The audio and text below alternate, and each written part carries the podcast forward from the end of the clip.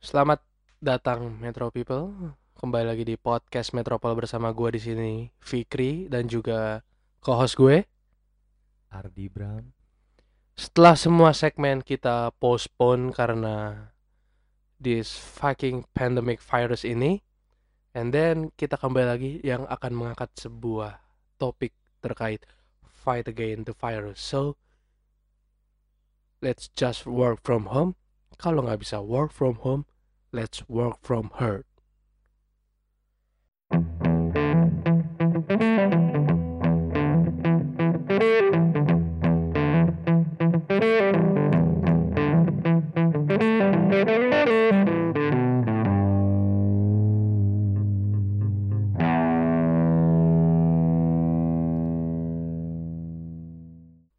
Yo, oke Metro People. So, um, pandemik ini benar-benar menjadi wabah yang benar-benar setengah dari masyarakat dunia itu cukup panik dengan adanya pandemik ini. Iya nggak sih Di? Yang di mana semua kegiatan. Iya, iya benar-benar benar banget sih. Jadi kayak semua tuh jadi terbatas banget gitu.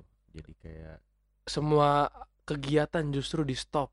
Stop malah. Kegiatan um, olahraga bahkan. Bener. Kegiatan yang nggak di stop cuman col. Iya itu dah uh, apa colok apa sih namanya kayak lo colok-colok kuping gitu iya, uh. makan. Main main game doang eh, itu iya, iya. tapi kalau macem-macem konser musik Coachella postpone semuanya postpone bahkan um, gimana Ardi menurut lu liga-liga di luar sana bahkan Liga Champion pun terpaksa harus di hentikan kalau gue kan tipe-tipe apa ya ya gue kan nge nge ngecast di Metrokix juga iya gue uh, suka bukan suka maksudnya apa ya? gue seneng lah di olahraga gitu iya. sport ma mana pun mau sepak bola mau uh, otomotif mau apa racing semuanya gue suka tapi adanya pandemik ini jadi kayak gue nggak nonton bola. Lu, lu merasa dirugi lu bukan merasa dirugikan lu merasa kesepian. Iya yang tadinya harusnya F1 kemarin di Australia jalan tapi nggak jadi.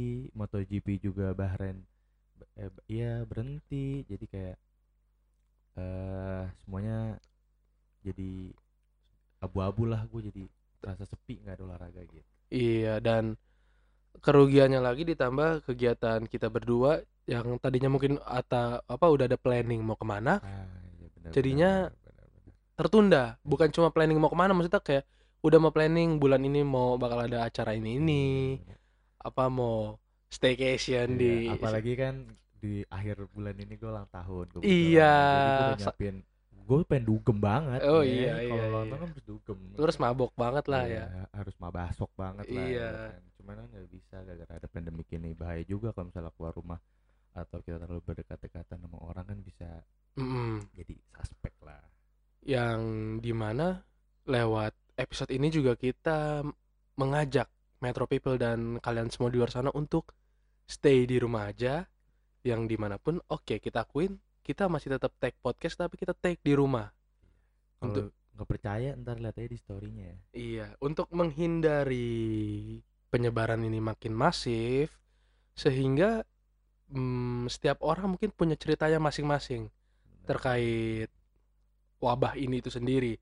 Kayak Ardi yang mau ulang tahun jadi tertunda. Ulang tahunnya tetap tapi partinya tertunda. Bukan party sebenarnya. Apa? Pasti kan apa? kalau ulang tahun gak mungkin di rumah dong. Hajatan, iya. Pasti ada hajatan-hajatannya lah. Yang harus ditunda dan banyak hal yang mungkin merugikan gua dan juga Ardi yang mungkin sebenarnya bukan cuma kita berdua doang, tapi ada banyak orang yang merasa dirugikan atau terkena dampak dari coronavirus ini sendiri. So, gua baru aja meminta atau dengan apa meminta beberapa teman-teman dengan sukarela untuk membagikan ceritanya bagaimana mereka bisa uh, menghadapi dampak pandemik ini dan bagaimana cara mereka melewatkannya.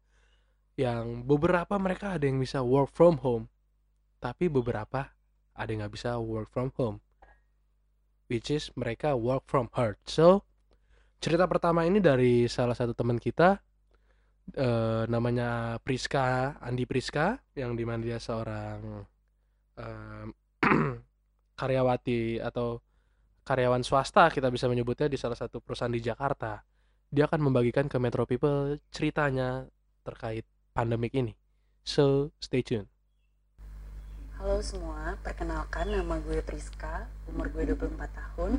Gue bekerja sebagai finance di salah satu perusahaan yang bergerak di bidang pertambangan. Dampak COVID-19 yang paling e, berasa untuk diri gue sendiri adalah e, gue jadi sangat takut untuk ke mana-mana. Gue sendiri ngekos di Jakarta dan sehari-hari biasanya gue suka banget keluar untuk sekedar cari makan atau nongkrong. Tapi semenjak pandemi ini terjadi gue jadi lebih memilih untuk stay di kos. Kantor gue pun sudah memperlakukan uh, sistem work from home dari tanggal 12 Maret kemarin. Dan kegiatan gue selama WFH ini kerja tentunya nonton YouTube, uh, nonton Netflix, baca berita, buka sosmed, uh, masak, bersih-bersih dan sisanya kebanyakan tidur.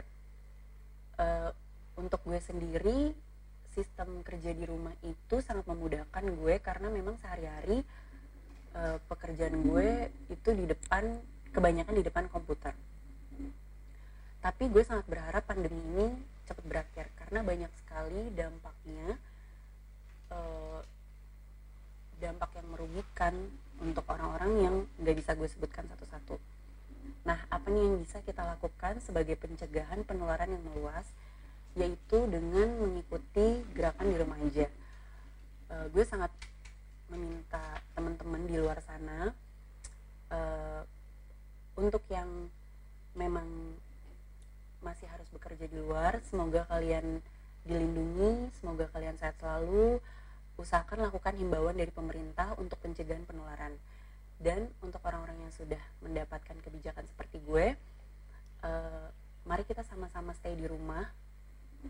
Uh, karena penularan wabah ini paling cepat adalah hanya dengan kontak fisik dengan orang lain uh, kalian nggak mau kan kalau misalnya kalian menjadi carrier uh, virus itu terus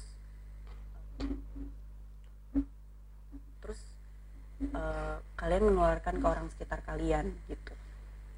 Jadi kalau misalnya uh, kita selama kita masih bisa untuk di rumah aja uh, mari kita di rumah aja uh, untuk yang bisa work from home work from home. Untuk yang nggak bisa kita work from home.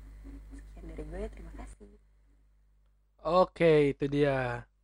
Cerita dari Priska salah satu karyawati atau karyawan swasta di perusahaan di Jakarta yang di mana dia work from home dia mendapatkan bukan kesempatan sih justru perusahaan memberikan dia um, dia boleh apa ya bukan privilege lebih ke arah kayak dikasih kesempatan untuk work from home di antara mungkin beberapa yeah. orang yang nggak bisa work from home. Iya benar yang mungkin kita juga bisa minta maaf ke Metro People kalau misalnya tadi ada sedikit kendala-kendala karena penyampaian cerita ini lewat voice note yang di mana yeah. kita apa namanya kita tembak langsung ke mic jadi bukan by phone gitu tadi makanya tadi mungkin ada sedikit apa namanya kendala-kendala kecil yang di mana tadi kegiatannya Andi Beriska atau Kika selama pandemik ini mm-hmm. jadi terbatas ya jadi terbatas dan juga dia kegiatannya tadi itu bisa juga tuh jadi rekomendasi ke Metro People dia nonton Netflix katanya dia masak yang dominan juga tidur Jadi gitu walaupun lebih banyak tidur mm-hmm. tapi it's okay karena justru mungkin di lain sisi mereka um, jadi lebih banyak istirahat. dari iya jadi lebih banyak istirahat karena untuk meningkatkan daya tahan tubuh. Performa. Performa. Kika kebetulan juga striker Persija ya. Iya, jadi stamina atau kesehatan dia itu penting. Yang di mana dari kalau dari sudut pandang seorang karyawan swasta justru uh, work from home itu sedikit uh, memiliki dampak baik yang di mana kerjanya jadi nggak terburu-buru. Ya tapi mungkin dampak buruknya jadi nggak jadi nggak apa ya jadi ya jadi kayak di rumah doang. Nggak produktif. Nggak produktif gitu kan. Uh -uh. nah. pasti, pasti tuh pasti tuh dia walaupun work from home tapi tiduran di kasur. Iya jadinya sebenarnya mungkin presentasi work from home-nya mungkin ya 2 sampai 12 persen lah ya iya. tapi kita nggak tahu itu iya. itu itu kalau kita kalau Kika mungkin ya 70 80 persen iya. itulah uh, work from home-nya gitu so buat Kika mudah-mudahan um, wabah ini cepat berakhir dan kegiatan bisa kembali produktif. Ya bisa kembali produktif dan bekerja seperti biasa. Dan kalau tadi dari sudut pandang karyawan swasta, ini dari sudut pandang bos bosnya nih. Jadi bosnya. Ya? Bukan bosnya Kika, maksudnya oh. dia seorang wira swasta punya usaha yang di mana oh, iya, iya. apakah dia setuju dengan work from home? Apakah dia menerapkan work from home di perusahaannya So, ini adalah cerita dari Razola Menak, seorang wira swasta di bidang kontraktor. Hai, saya Ola Menak. Pekerjaan saya wira swasta di perusahaan jasa kontraktor. Kehadiran virus COVID-19 yang terjadi saat ini mempengaruhi perusahaan saya, khususnya pada sales perusahaan, di mana hampir 20-30% menurun dari biasanya, karena beberapa proyek yang tertunda, dan salah satu alasan tertunda proyek tersebut adalah barang-barang yang saya supply import dari China. Dan kita tahu bahwa China itu memang sudah melakukan stop kegiatan e, apa pun di sana, termasuk pengiriman dan produksi barang-barang yang selama ini mereka import. Lalu dengan adanya kebijakan dari pemerintah yang mengharuskan perusahaan menerapkan work from home kepada karyawan yang secara tidak langsung, menurut saya ini akan mengurangi produktivitas tim dalam bekerja menyelesaikan suatu pekerjaan, mungkin dalam segi kendala suasana bekerja atau kendala eksternal lainnya. Namun, semua itu harus kita dukung kebijakan pemerintah karena ini demi kebaikan bersama. Kalau dampak bagi saya sendiri nggak terlalu signifikan, mungkin lebih banyak ke positifnya, karena jadi lebih banyak waktu untuk uh, istirahat, berkumpul dengan keluarga yang selama ini mungkin sibuk, dan juga mengisi waktu dengan kegiatan lebih kreatif dan bermanfaat. Intinya uh, dengan COVID-19 ini ada, kita harus ambil hikmahnya dan semoga virus COVID-19 ini segera berlalu dalam waktu yang cepat, bisa kembali memulihkan keadaan dari segi ekonomi atau lainnya, dan kita dapat kembali beraktivitas seperti semula, khususnya sebelum momen Ramadan ini. Dan buat kalian semua, lebih baik di rumah aja. Kalau nggak bisa work from home, let's work from heart. Oke, itu dia dari Razola Menak yang di mana ternyata kalau dari sudut pandang pengusaha tetap ada positifnya tuh di ya walaupun ada positifnya tapi kerugiannya juga lumayan iya dia bilang 20 sampai 30 persen tuh yang di mana um, sales marketnya cukup jatuh, ya, jatuh ya. yang um, ternyata justru dia tetap bersyukur karena sisi positifnya dia jadi bisa kumpul sama keluarga ya, lagi ya. mm -mm, yang di mana mungkin beberapa yang nggak bisa kumpul dengan keluarga karena work from home ya kayak Kika tuh di kosan atau di apartemen atau di uh, kondominium atau di mansion atau di ya, kalau Cristiano Ronaldo kalau Cristiano Ronaldo kan dia um, katanya katanya katanya ngekos di Mabes. Iya ngekos di Mabes. Um, di daerah Mangga Besar. Jadi ya dia otomatis nggak bisa ketemu ketemu anak bininya. Uh, ketemu anak bininya lah. Tapi um, kalau nggak salah ya info yang beredar tuh Cristiano Ronaldo katanya dia beli pulau. beli pulau. Nyewa apa beli sih? Beli apa beli. ya, pokoknya intinya dia tinggal di pulau sama anak-anaknya. Selama si pandemi ini. ya, pandemi ini selesai baru dia balik lagi ke negaranya. Tuh CR aja. Kalau panik beli pulau. Iya. Euk. Kita GoFood aja masih kadang masih masih masih jujur, sungkan. Jujur kalau keluarga gue kalau panik kemarin tuh kayak kemarin panik banget. Keluarga uh. gue nggak ada yang beli pulau beli domi dua dus. Telur banyak banget. Ya kan? Buat apa? Yang penting makan. Itu dia. Cer cer kalau panik di Indonesia ya, dia bisa beli Indomie sampai usus buntu kali ya. Beda beda dia beda. Dia, dia beli alpanya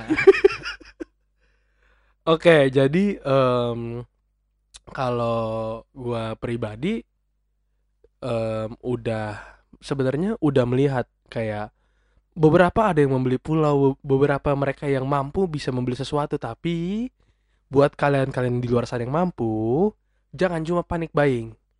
Benar. Be beberapa uh, beberapa info yang akan dibacakan oleh Ardi ini itu berupa galangan dana terkait amal.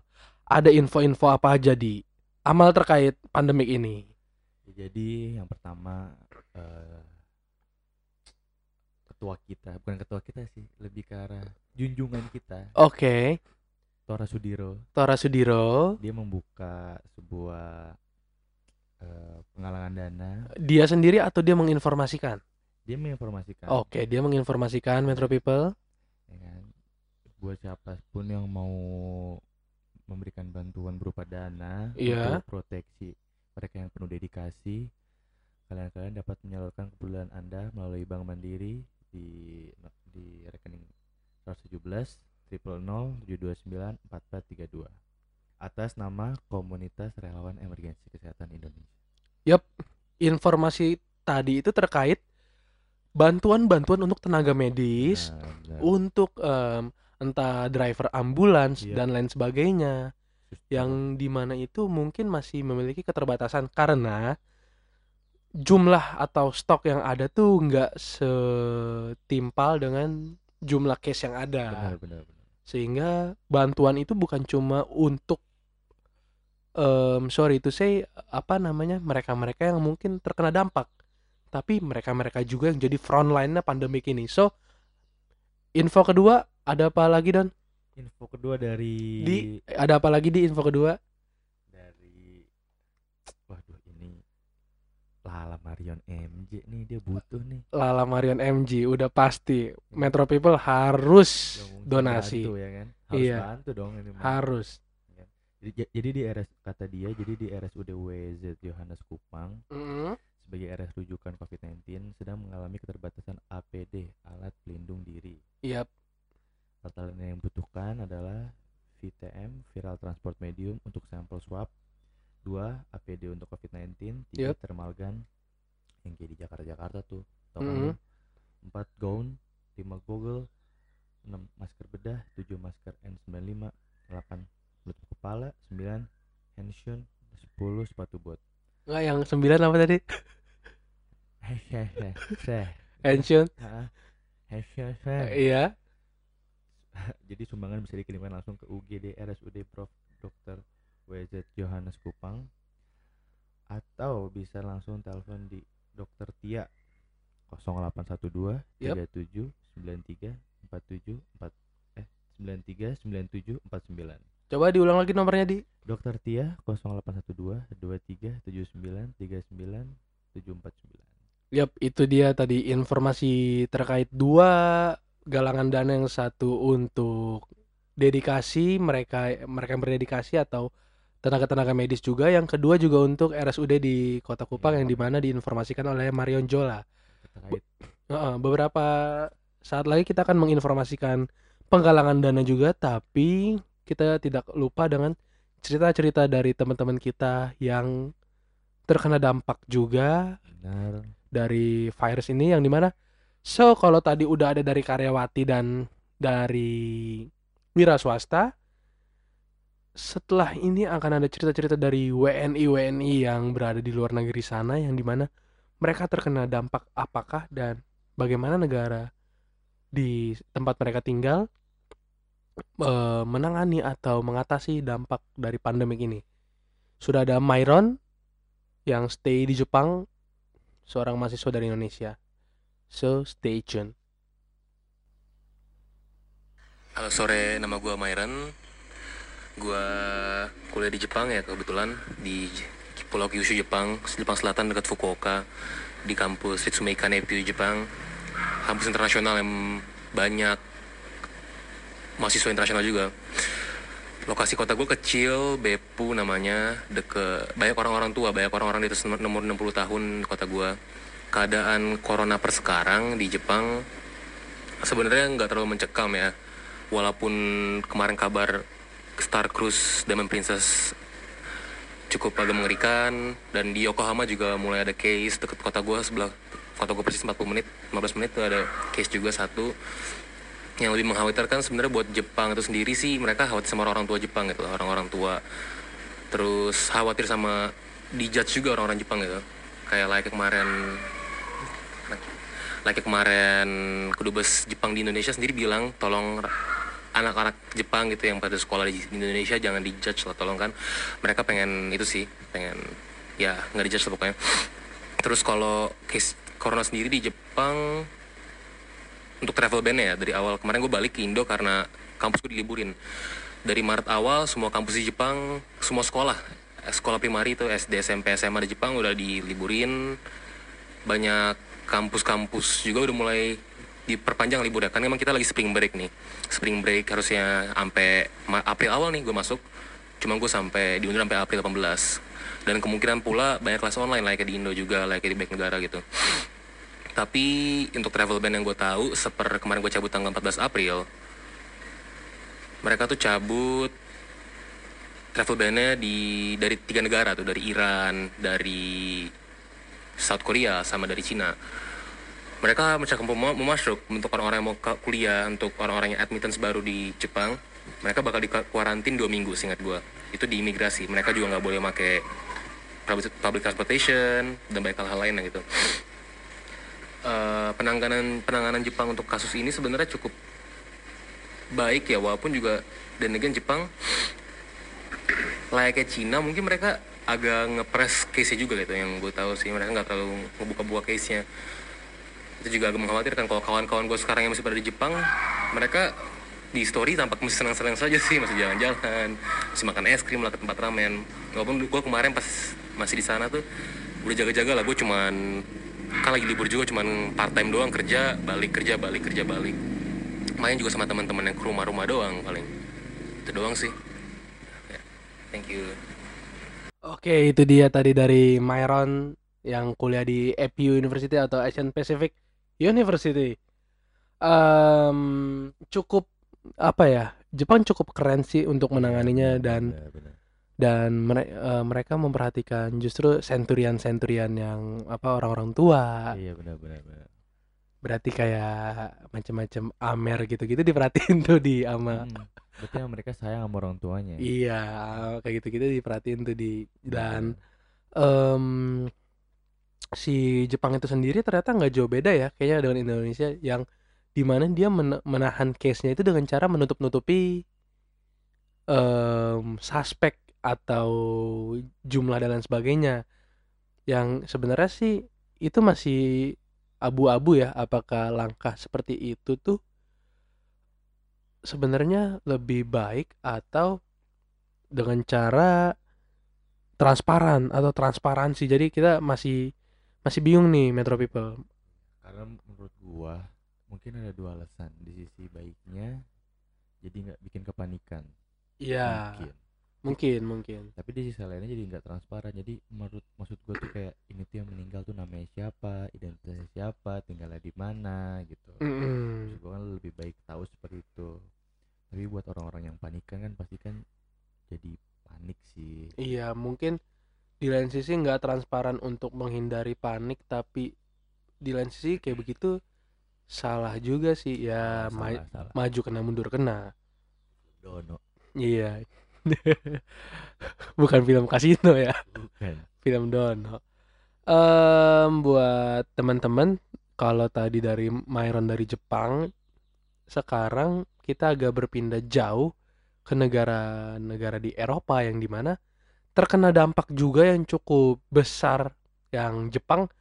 Meskipun Jempa, uh, Jepang besar tapi kan Jepang bisa menek, apa menekan angka case-nya itu dengan cara mereka sendiri sedangkan kita tahu ya dia Itali um, apa namanya Spanyol dan lain sebagainya itu terkena dampak tapi Italia yang paling kena dampaknya so tapi kita nggak punya rekan atau WNI yang ada di Itali kita langsung saja, ini cerita dari WNI yang ada di Jerman, dari Rizky Nur. Halo, nama gue Rizky Nur. Gue sekarang tinggal di Jerman. Lebih spesifiknya sih di kota Rostock ya. Itu kayak di utara Jerman gitu deh. Jadi mengenai corona ini, ini prihatin banget sih gue. Karena gimana ya, pas ada corona gitu, gue lagi di sekolah sama teman-teman gue kan Nah, kayak teman-teman bule gue ini emang parah-parah semua dah. jadi ada orang batuk nih dikatain corona gitu dan gue ikut ikutan kayak ngata-ngatain itu kan dan sekarang kita ber, kayak kita rame-rame nih yang sama teman gue kelasan kayak merasa bersalah banget sih. Karena gak nyangka gitu virus itu tuh cepet banget nyebar itu tuh kayak bulan Januari gitu ya nggak salah ngata-ngatain gitu. Terus kayak sekarang nggak bakal nyangka gitu kayak kita nggak pernah nyangka ternyata di kota kita bakal ada karena kasus corona. Ya dan jadinya kita semua yang di Jerman jadinya di rumah aja. Orang Indonesia orang bule bahkan semuanya orang mana pun ya harus di rumah. Dan mereka nggak bisa pulang karena negara Jerman ini udah di lockdown kan. Jadi orang yang yang kerja-kerja yang mau pulang misalnya negara dari Polandia pun juga nggak bisa pulang harus menetap di Jerman sayang banget. Dan harus benar-benar di rumah gitu. Kalau di luar kayak ada yang jaga-jaga gitu polisinya emang harus pakai belap di rumah stay positif dan stay healthy self quarantine. Kalau bisa di rumah di rumah aja nggak usah keluar. Jadi bukan di Indo doang kok yang di lockdown di semua negara juga pasti kayak gini. Kita merasakan hal yang sama. Ya, ya itu aja sih dari gue pesan-pesan gue. Sekian dan ciao Oke, itu dia dari Rizky Nor yang berada di Jerman Utara, Jerman Utara. yang di mana orang-orang Polandia sangat disayangkan tidak boleh, Nggak boleh balik. nggak boleh balik lagi. Nggak boleh. Orang Polandia enak-enak aja nggak sih di, nggak nggak boleh balik tapi dia stay di Jerman. Kalau kalau gue ya, Heeh. iya. Tapi kalau ada orang Spanyol di Indonesia Iya. Bete dia. dengan peralatan kesehatan seadanya terus gak boleh balik ke Spanyol, Hmm, stres dia sendiri yang ada. dia mending mati di bandara daripada daripada mati di Priuk. Dan beli pulau nggak ada pulau dan Iya. Dan beruntungnya, bukan beruntungnya, tapi kita belum di lockdown ya. Jadi itu sebuah opsi yang masih putih abu-abu juga, alias monyet, alias abu-abu abu-abu tenyum yang di mana apakah negara kita siap di lockdown atau kita lockdown per kota gitu kita masih kurang paham ya untuk peraturan-peraturan lockdown gitu. benar benar benar. Jadi buat teman-teman yang mungkin punya apa namanya ya, punya wawasan atau teman-teman yang mungkin kuliah hukum atau kuliah ilmu pemerintahan yang tahu bagaimana mekanisme lockdown atau gimana bisa share juga ke Instagram at the metropol underscore ID yang di mana gimana sih mekanisme itu lockdown itu dan apakah lockdown itu menjadi salah satu opsi terbaik atau enggak? Setelah dari informasi-informasi tadi itu yang di mana kita udah ngekasih tahu soal penggalangan dana dan sebagainya dan sudah ada cerita dari dua WNI yang berada di luar negeri rekan kita Ardi akan memberikan informasi seputar penggalangan dana atau informasi seputar COVID-19 Ya, jadi ada informasi lagi dari Twitter @rahmalia R-nya besar ya R A C H M A L Y A. Iya. Dia membuka memberikan konsultasi gratis terkait COVID-19 dokter itu ya. Dokter jadi sudah tercatat resmi dokter itu. resmi. Jadi buat lulus semua jadi nggak usah perlu perlu ngantri di RS puskesmas atau klinik. Dan aman tanpa paparan virus. Yup. Insya Allah gimana caranya di untuk konsultasi dengan dokter? Rahmale ya langsung bisa di, di DM di Twitter melalui At- DM at apa? R-nya besar. Iya. R A C H Yup. Malia. Oh dia. Jadi bisa dilihat ya Metro People at Rahmalia. langsung aja itu jangan lupa ada hashtag di rumah aja Kalau nggak bisa work from home, work from heart oke. So dari kedua WNI tadi, satu WNI yang satu ini rekan kita yang satu ini cukup menarik karena dia berada di Mesir yang di mana itu negara. A- ada nggak sih di Mesir COVID-19 Nah itu dia dia akan membagikan ceritanya dia yang di mana sebijak apa negara itu menerapkan, sorry, bagaimana kebijakan negara itu menerapkan larangan atau aturan ke rumah ibadah yang di mana mungkin bisa jadi apa ya semacam ya bisa menginspirasi atau bisa tergerak kita untuk menirukan cara Mesir untuk menangani kasus corona terkait kebijakan ke rumah ibadah. So, ini dari Faras Arasid, salah satu mahasiswa Indonesia yang kuliah di Universitas Al-Azhar. Gue Faras. Uh, eh, gue sekarang uh, lagi kuliah di Universitas Al-Azhar, Kairo, Mesir dan sekarang gue pengen cerita soal uh, kondisi Mesir ya di uh, tengah uh, wabah corona ini. Jadi pertama yang gue mau kasih tahu adalah soal uh, jumlah uh, orang yang udah terkena uh, virus ini, gitu ya. Per hari ini ya eh, tanggal berapa nih? Tanggal 22 itu itu ada sekitar 290 sekian ya yang udah kena uh, virus ini. Uh, yang meninggal ada 10 orang gitu ya yang sembuh itu uh, ya 40-an kalau nggak salah.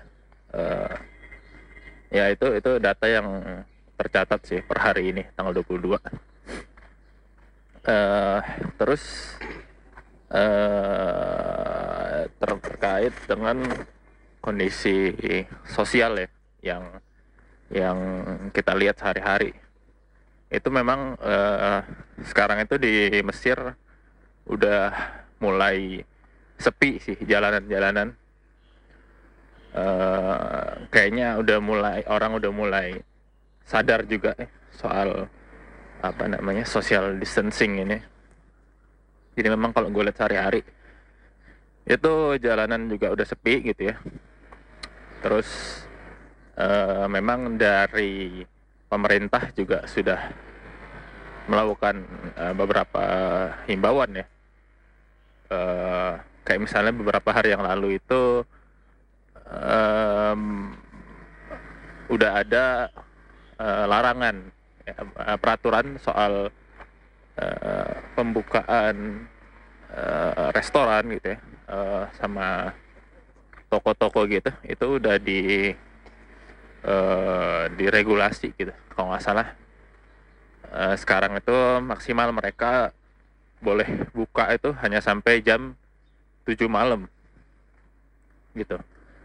Dan uh, ya setelah itu uh, apa namanya udah udah pada tutup gitu. Dan dan memang itu terjadi apa namanya e, beneran gitu ya. Waktu kemarin dua hari yang lalu gitu gue lagi olahraga malam itu memang sekitar jam 8 itu gue olahraga gitu ya biar sepi.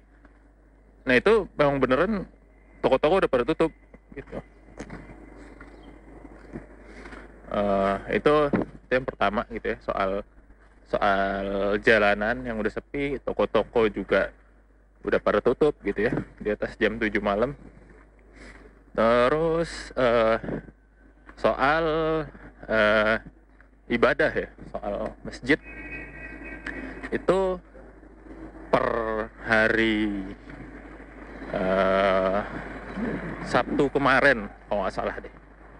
Itu Al Azhar udah membuat ini ya membuat Syekh Syekh Al Azhar itu Syekh Ahmad Toyib itu udah uh, menetapkan ya bahwa Masjid Al Azhar sudah tidak menyelenggarakan sholat Jumat dan sholat lima waktu gitu ya. Sampai waktu yang tidak ditentukan gitu ya.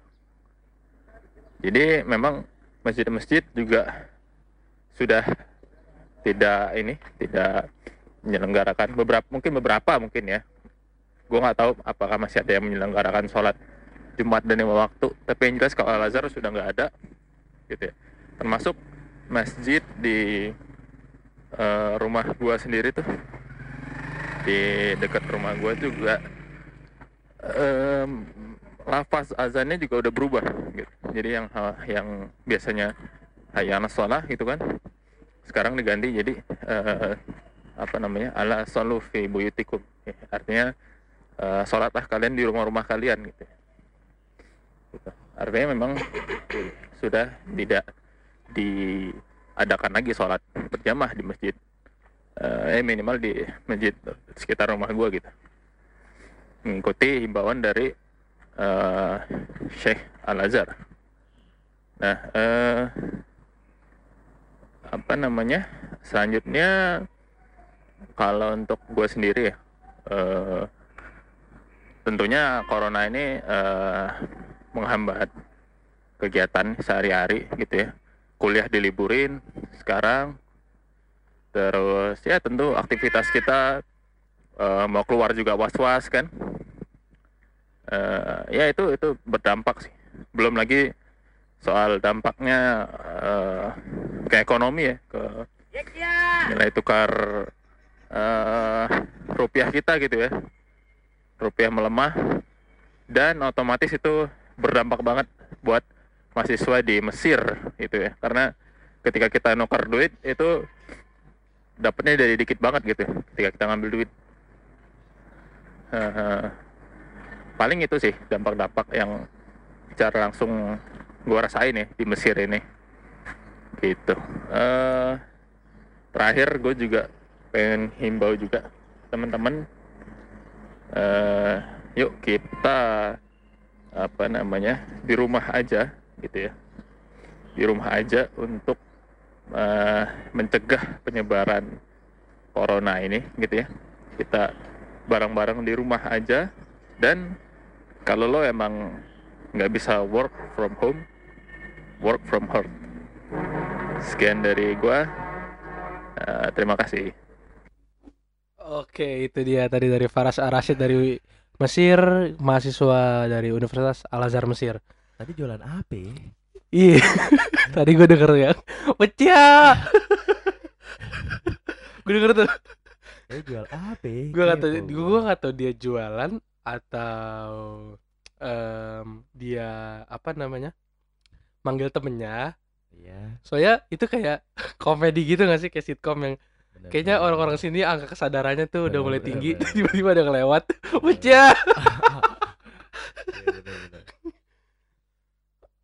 yang di mana stay safe juga buat teman-teman kita tadi semua termasuk juga Faras. Thank you banget udah mau share ceritanya yang di mana um, sebesar atau selevel masjid Al Azhar pun mungkin Metro People tahu deket um, stasiun MRT Sisingamangaraja itu ya masjid Al Azhar bukan yang itu? Anjing. Oh bukan. Oh saya kira masjid Al Azhar yang itu ya. Berarti masjid Al Azhar yang jauh lebih Al Azhar lah gitu. Beneran Al Azhar bukan KPKW ini. Ah ini ini ini Al Azhar yang apa namanya yang di Mesir aja itu menghimbau untuk sholatlah di rumah. Tadi kan Faras bilang tuh kan yang hayala sholatnya pun diganti yang gue um, kurang paham tadi digantinya sama apa? Yang ditukum atau apa gitu. Buyutikum. eh apa duyutikum? Buyutikum. Buyutikum. Iya apa? Sholatlah kamu sholatlah kamu di rumah gitu. Jadi um, buat Metro People juga diharapkan untuk bijak yang di mana kita cuma nggak sholat di masjid atau nggak sholat Jumat itu cuma 2 sampai tiga minggu kalau kita tetap bandel kayak noda ya otomatis kita bisa aja sholat nggak sholat Jumat itu dua bulan. Benar. jadi please stay di rumah. Ingat di rumah aja. Kalau nggak bisa work from home work from heart ah kalau emang lu gak tahan di rumah tinggalnya di masjid. Ya gak, gak jangan ke mana-mana iya jangan ke mana-mana soalnya di ke mana tuh banyak banget yang kayak pada kecot lah gara-gara sholat nggak boleh di harus di masjid sholat nggak boleh di masjid Padahal itu bukan berarti kita melarang, enggak, melarang, tapi menghimbau untuk menahan iya, penyebaran nah. ini jauh lebih masif. Ya, kalau misalnya emang lu salah satu orang-orang yang yang gak setuju dan tetap harus pengen sholat di masjid, lu daftar jadi DKM masjid, jadi marbot, lu tinggal di masjid, lu sholat di masjid, uh, jangan uh. mana, oke? Okay? Dan kalau tadi udah dari WNI WNI yang ada di luar sana, kita langsung masuk ke narasumber atau mereka-mereka yang mau membagikan ceritanya dengan profesi-profesi mereka. Nah, ini profesi-profesi yang nggak bisa work from home nih di. Karena ini bisa disebut juga frontliner. Iya, garda terdepannya virus ini. bukan garda terdepannya tetap tenaga medis tapi mereka-mereka ini kerja di tempat yang mungkin rentan terinfeksi. So, narasumber kita satu ini adalah seorang pelaut namanya Rifki Bijaksana. Dia akan membagikan ceritanya ke kita semua. Halo, nama saya Rifki. Saya kerja di kapal laut di perusahaan Nomorko. Muatan yang saya bawa berupa LNG dengan rute Malaysia Jepang. Dampak COVID-19 ini bagi kapal yang saya tunggangi sendiri ini begitu banyak dampaknya mulai dari social distancing ketika kita report prosedur ketika kita cargo operation. Ada juga yang ya dampak negatifnya crew replacement ketika kru yang udah finish kontrak mau pulang jadi nggak bisa yang mau naik juga jadi nggak bisa. Ya saya harap juga covid 19 disease ini bisa cepat selesai karena kita semua di sini juga punya keluarga jauh di rumah sana yang butuh perhatian dari kita. Kita juga butuh uh, kumpul dari mereka. Jadi buat kalian yang di sana yang bisa kumpul sama keluarga sebisa mungkin work from home. Kalau nggak bisa work from home work from her Yap, itu dia. Satu lagi dari Mayora, Rifki Bijaksana, seorang pelaut yang Sinar mas. yang di mana dia double tuh kenanya. Dia khawatir dan rindu. Khawatir dan rindu. Ditambah kalau ada yang replacement nggak bisa di replacement. Mm -mm. jadi kayak maju mundur eh maju mundur maju salah mundur salah. Maju kena mundur kena. Eh iya, iya, iya salah salah maju kena mundur kena. Yang apa ya sangat disayangkan juga sih. Dan ditambah lagi tuh dia kan di laut ya yang kalau ya kalau di airport satu ada yang kena langsung kan tuh dimasukin ke uh, airport quarantine atau apa sedangkan kalau di kapal nih. Buang aja langsung kalau satu ada yang kena ngeri juga kan. Lempar aja ke laut. Itu dia. Kalau tadi udah ada yang dari laut kita punya rekan kita yang di udara. di udara seorang pramugari dari Saudi Arabian Airlines namun sedikit informasi kita tidak bisa menyebutkan siapa namanya, tapi dia mau menyebutkan data, oh sorry, enggak, nggak mau menyebutkan data pribadi dan alamatnya. Biodata. dia dia mau ngasih tahu namanya, tapi dia mau ngasih tahu inisial emailnya. Um, nggak, dia mau ngasih tahu dia bekerja di maskapai apa so. Ini dia cerita dari seorang pramugari dari Saudi Arabian Airlines. Halo, gue pramugari dari Saudi Airlines. Gue mau sedikit sharing nih sama kalian tentang COVID-19 ini. Ternyata si COVID-19 ini ada dampaknya terhadap profesi gue. Salah satunya adalah, uh, jadi kita tuh disuruh suspend kontrak uh, agak agak di jadi kayak agak dipaksa gitu sih. Soalnya kan disuruh suspend kontrak gitu ya. Nah jadi si covid 19 banyak lah. Hampir banget gue terbang itu. Itu tuh uh, tanggal 6 bulan Maret ini. Dan itu tuh waktu itu belum ada pengecekan yang uh, spesial banget untuk kita gitu. Nggak ada yang pengecekan khusus untuk kita gitu. Nggak ada sih karena mungkin dulu belum seheboh ini kali ya. Dan waktu itu kebetulan uh, emang udah di cancel cancelin flightnya gitu. Jadi di dalam pesawat itu gue waktu itu cuma ada 16 uh, penumpang yang seharusnya pesawat itu tuh diisi uh, oleh 330 something penumpang gitu.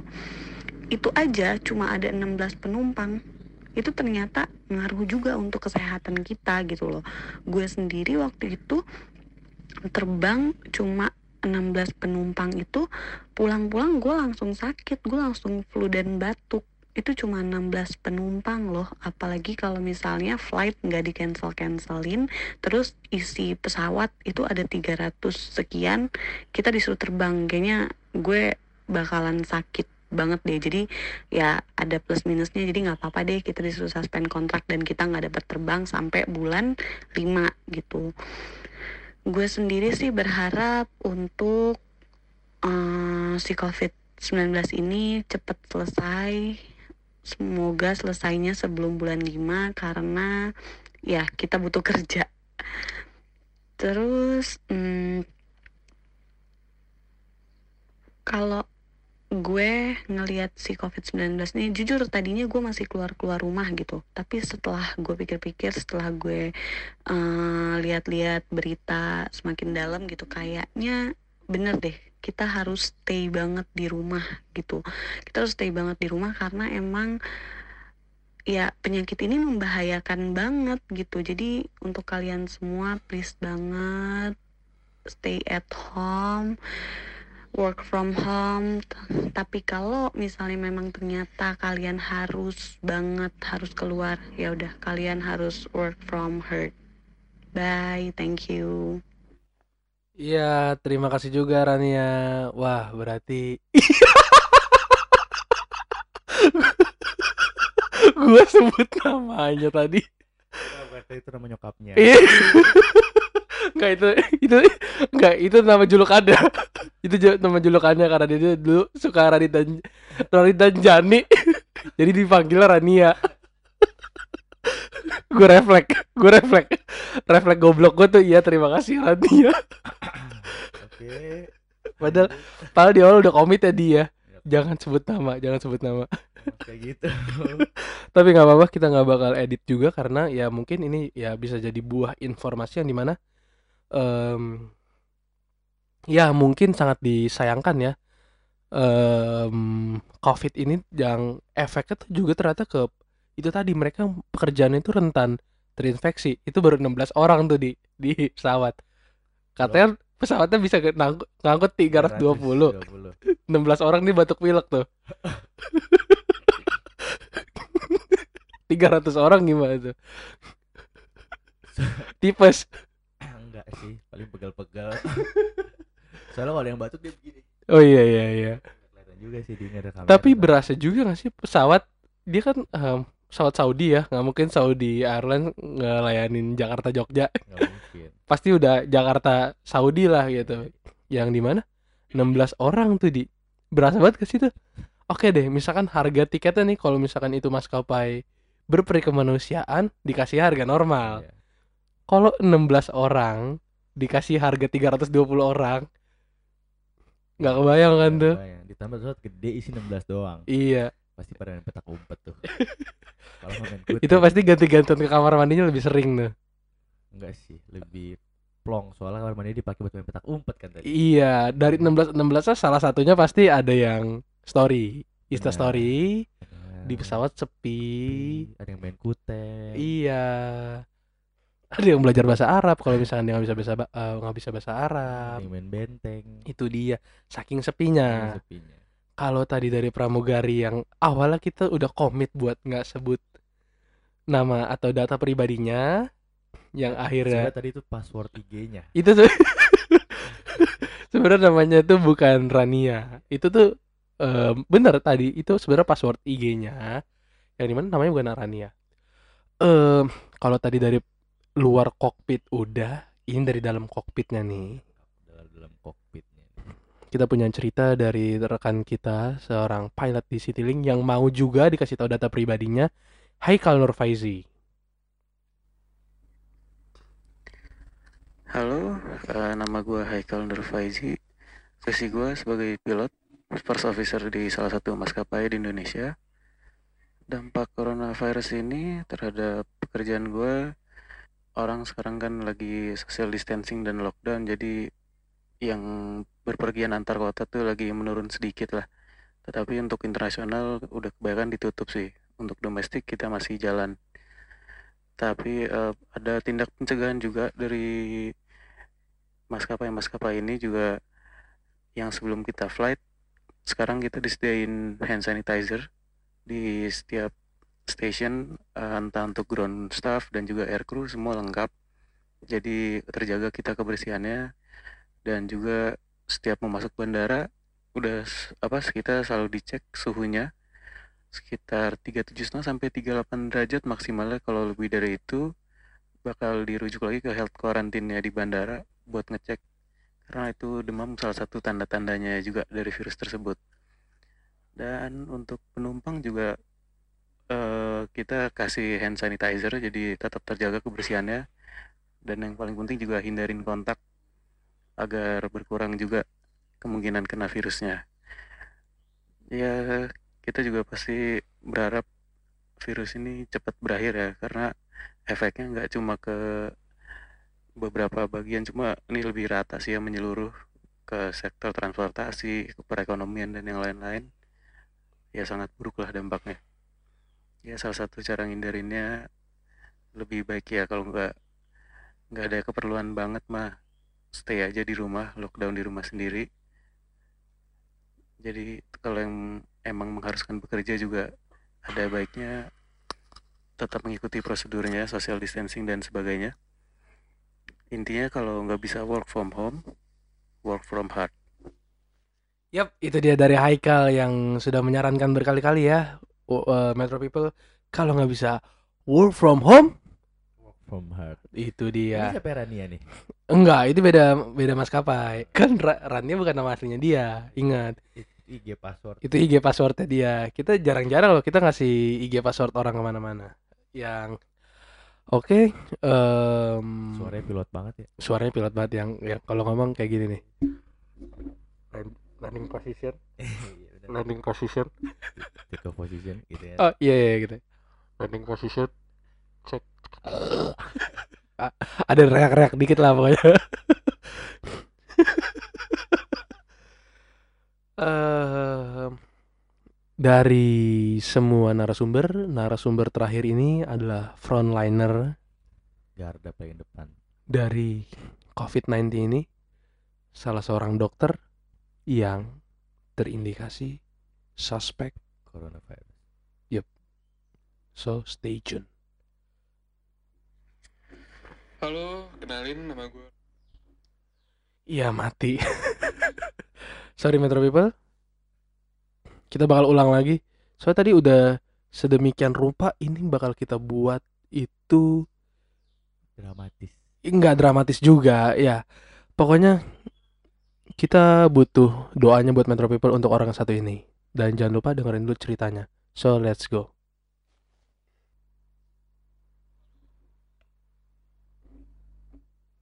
Metro People, bentar dulu Metro People.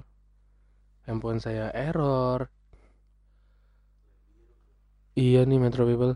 Sebentar dulu Metro People. Satu cerita terakhir dari seorang dokter di Rumah Sakit Saiful Anwar di Malang. Halo, kenalin nama gue Raffi. Ya, gue asal Bekasi, tapi sekarang gue sekarang. Kenapa mati mulu ya? Iya. Gak boleh ketutupan tangan kali. Iya, masa gak boleh ketutupan tangan? Gak boleh sampai gelap. Oh, ya udah udah udah. Jadi harus selalu nyala dia. Yang tadi tadi nggak mati-mati lah. Beda yang ini beda. Iya iya. Soalnya yang ini tuh benar-benar paling ditunggu-tunggu Metro People, seorang dokter dari rumah sakit Saiful Anwar Malang. Halo, kenalin nama gue Raffi. Ya, gue asal Bekasi, tapi sekarang gue sekarang menjalani tugas di Rumah Sakit Saiful Anwar Malang sebagai dokter muda atau koas. Jadi gue cuma pengen sharing kondisi di rumah sakit ini dan di Malang ini sekarang ini karena kita sebagai tenaga medis itu memantau terus perkembangan dan sekarang ini sedang kita lakukan pencegahan juga. Jadi buat situasi sekarang di Malang ini sebenarnya sudah termasuk waspada karena adanya pasien yang positif di Malang. Jadi di rumah sakit gue sendiri ini gue peng sharing pengalaman aja. Di awal kita pasien itu masuk itu benar-benar gejala tuh ringan banget. Kayak saluran pernafasan atas saja infeksi. Dan ternyata pasien diperiksa diperiksakan lab diperiksakan serologis dan pasien menunjukkan hasil positif corona. Kami yang menangani pasien kami koas kemudian perawat kemudian residen itu tidak ada yang mengetahui bahwa pasien itu akan suspek corona. Ya, terpapar iya. kita semua menjalani tugas dengan sudah cukup maksimal dan kemarin kami juga kami gue uh, jadi gue ini sekarang lagi lab di ilmu penyakit dalam. Itu ada di dalamnya juga ada kardiologi ada paru ada uh, rumah sakit jaring jadi gue ini kemarin sama teman gue itu yang kita koas ini kerjanya di IGD kalau di RSSA jadi ya kita bisa dibilang garis terdepan karena kita yang menangani benar-benar pasien itu. Kita menjalankan tugas dari PPDS, kita melakukan pemeriksaan X-ray, lab, EKG, pemasangan oksigen, anamnesis, dan lain-lain kita yang lakuin langsung ke pasiennya. Dan siapa sangka kalau pasien itu ternyata positif. Dan kami kemarin juga dilakukan pemeriksaan beberapa survei, kemudian digolongkan, kemudian kita di ada yang dilakukan swab dan serologis untuk memastikan. Kami sendiri koas ini tergolong termasuk suspek bisa mungkin karena kita langsung nanganin pasiennya jadi kami mengisolasi kami, diri kami sendiri dengan diliburkannya sistem pembelajaran dari dokter muda di Rumah Sakit Saiful Anwar. Jujur aja penyebarannya di Malang ini mungkin cukup luas karena satu Malang ini lo tahu sendiri banyak universitas-universitas.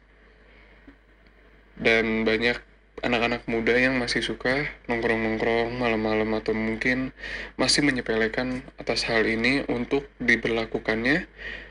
Stay at home atau kita nggak boleh meninggalkan tempat kita masing-masing rumah kosan. Itu udah diumumin kemarin. Kita harus menjalani sekitar dua mingguan. Ya gue cuma berharap aja kita sebagai tenaga medis itu selalu ngelakuin atau berusaha semaksimal mungkin buat pasien. Kita tidak bisa nggak pernah atau nggak bisa membeda-bedakan pasien siapa pun yang masuk itu ke rumah sakit. Jujur aja penyebaran COVID ini lumayan ganas ya, gue bisa bilang ganas karena sekarang ini aja baru ditemuin kalau virus ini tuh bisa airborne.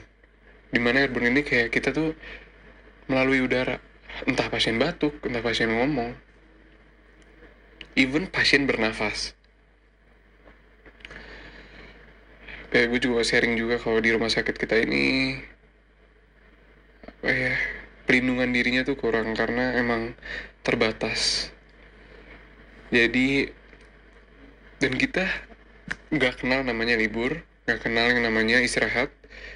Istirahat oke okay, untuk menjaga imunitas kita sendiri tapi kita sebagai tenaga medis emang udah disumpahin buat selalu mengedepankan kesehatan pasien kesembuhan pasien jadi gue berharap ya lu bisa lah stay at home dulu. Nggak lama kok. Itu tuh cuma buat menghentikan penyebaran dari covid itu. Jadi kalau lu misalnya punya gejala lu langsung datang ke rumah sakit lu periksain lu diisolasi udah jadi pasien-pasiennya itu. Pasien corona itu bakal diisolasi. Kita semua stay at home yang gak ada gejala kita baik-baik aja kita nggak akan terpapar ya mungkin lu pada semua bisa lihat gejalanya corona itu gimana udah pada punya internet. Ya batuk sesek demam. Dan kita tuh punya namanya masa inkubasi. Jadi gejala itu akan memberat selama sekitar dua minggu. Kita akan lihat. Kita nggak ada yang tahu bro. Kita kita nggak ada yang tahu men. Kalau misalkan lo itu adalah pembawa corona mungkin gejalanya belum muncul. Kita lihat dua minggu ke depan tapi lo keluar. Kalau lo emang kalau kalau lu emang kasihan lu emang sayang sama teman-teman lu sama keluarga lu ya lu stay at home. Lu diem dulu di rumah. Buat kepentingan lu sendiri juga kok itu akhirnya. Jadi ya pada covid ini gue berharap cepet selesai juga cepet kelar penyebarannya stop. Kita juga masih dari tenaga medis kan dari kesehatan dari WHO sendiri masih terus mencari perkembangan dari pengobatan dari vaksin. Jadi gue pengen yes gue gue mohon kalau gitu kalau lu semua stay at home dulu untuk sementara. At least kalau lu kerja juga lu nggak harus keluar rumah kan sekarang ada metode lu video call lu konferensi lewat online. Segala bisa dilakukan di rumah sekarang. Ya coba sekarang bertahan dulu sebentar untuk masa inkubasi ini untuk masa isolasi ini. Semuanya juga buat lo semua buat diri lo sendiri. Mungkin itu aja dari gue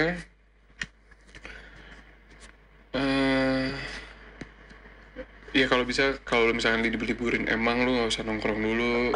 Lu cari kegiatan positif di rumah nggak usah balik ke ke kampung lo masing-masing.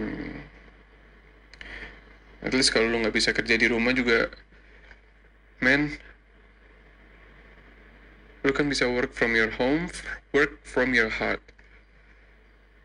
Maksud gue adalah kerja lu di rumah itu lu diem di rumah itu bukan buat diri lu juga tapi buat lu juga punya hati men. Lu juga punya hati buat kita semua. Buat tenaga medis. Mungkin itu aja yang bisa gue sampein. Ya gue minta maaf sebelumnya kalau ada kata-kata gue yang salah. Ya pokoknya keep safe keep healthy keep hydrated jaga tidur jaga makan. Oke okay, thank you. Oke okay, itu dia dari dokter Raffi yang di mana siap dok kita bakalan stay at home. Um, kita akuin juga kita sekarang take podcast pun ya di rumah, rumah. yang dengan mekanisme yang ada yang gue tetap social distancing sama Ardi. Kita take nggak berdekatan yang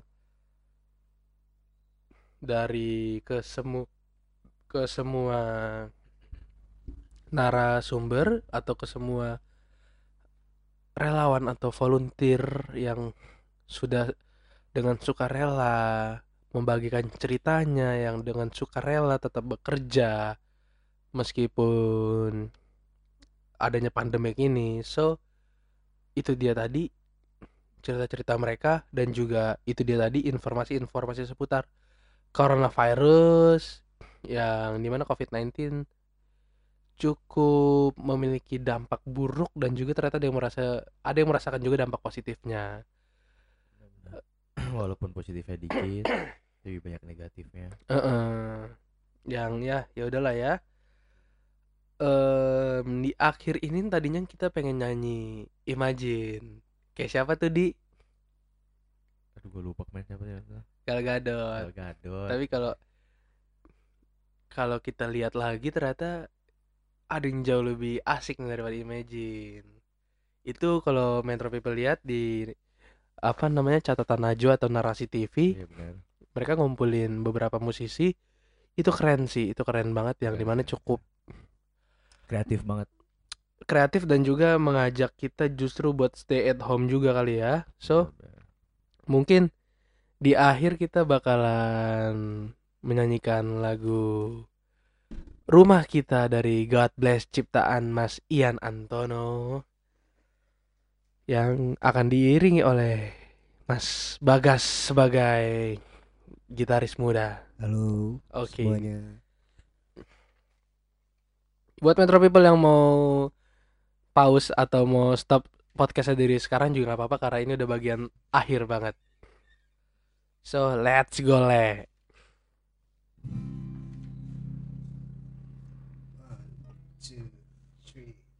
Ini awalnya tuh tua bangka. Tempat tinggal kita tanpa hiasan tanpa lukisan. Beratap jerami Beralaskan tanah semua itu punya kita. Memang semua ini milik kita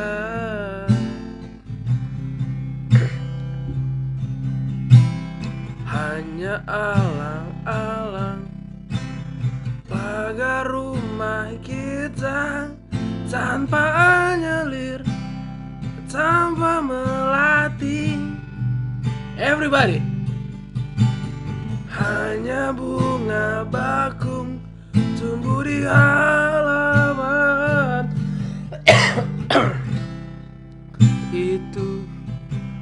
punya kita. Oke okay, everybody. Wah yo. Memang semua itu milik kita. Lu suara 2 gue suara 8 ya? Suara 12 Oke. Okay. Lebih baik di sini. Ada yang suara tinggi deh gue dah. Rumah kita sendiri